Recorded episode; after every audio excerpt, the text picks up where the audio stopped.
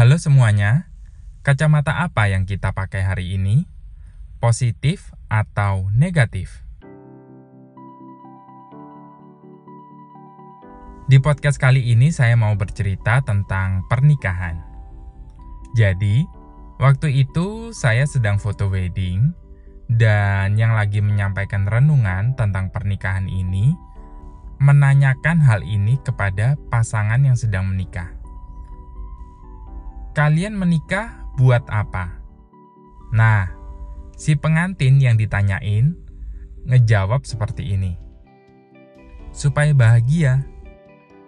Lalu yang menyampaikan renungan menjawab, pernikahan itu bukan untuk mendapatkan kebahagiaan, tetapi pernikahan itu untuk membahagiakan pasangan.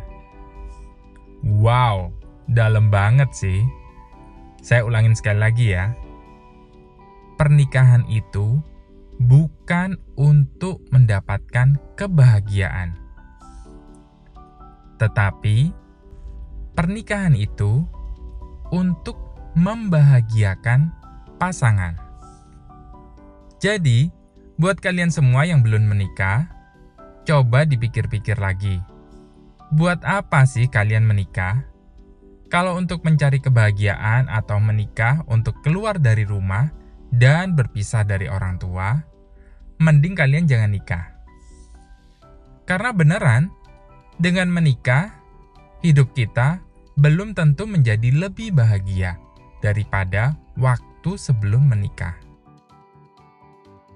Prinsip menikah itu adalah memberi, membuat pasangan menjadi bahagia, membuat pasangan hidupnya lebih santai, lebih baik, dan lebih bahagia. Kalau kita menikah untuk kita bahagia, Ya, berarti kita menuntut pasangan kita untuk membuat kita bahagia dong.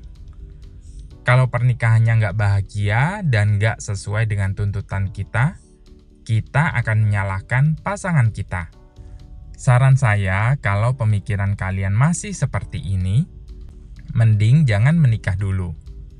Karena nantinya pernikahannya akan terjadi saling tuntut-menuntut menuntut untuk dibahagiakan, menuntut untuk dilayani, dan yang terjadi dalam rumah tangganya hanya pertengkaran demi pertengkaran karena hal tuntut menuntut ini.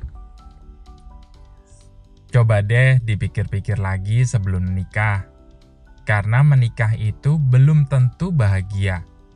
Dan ketika menikah, kita harus sering-sering menggunakan kacamata yang positif dalam pernikahan, agar keluarga kita bahagia dan meminimalisir pertengkaran yang terjadi dalam rumah tangga.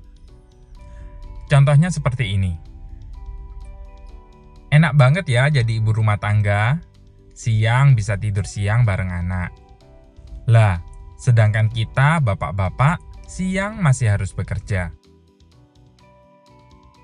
Bila kita menggunakan kacamata yang positif, Tentu kita tidak akan berpikiran seperti ini.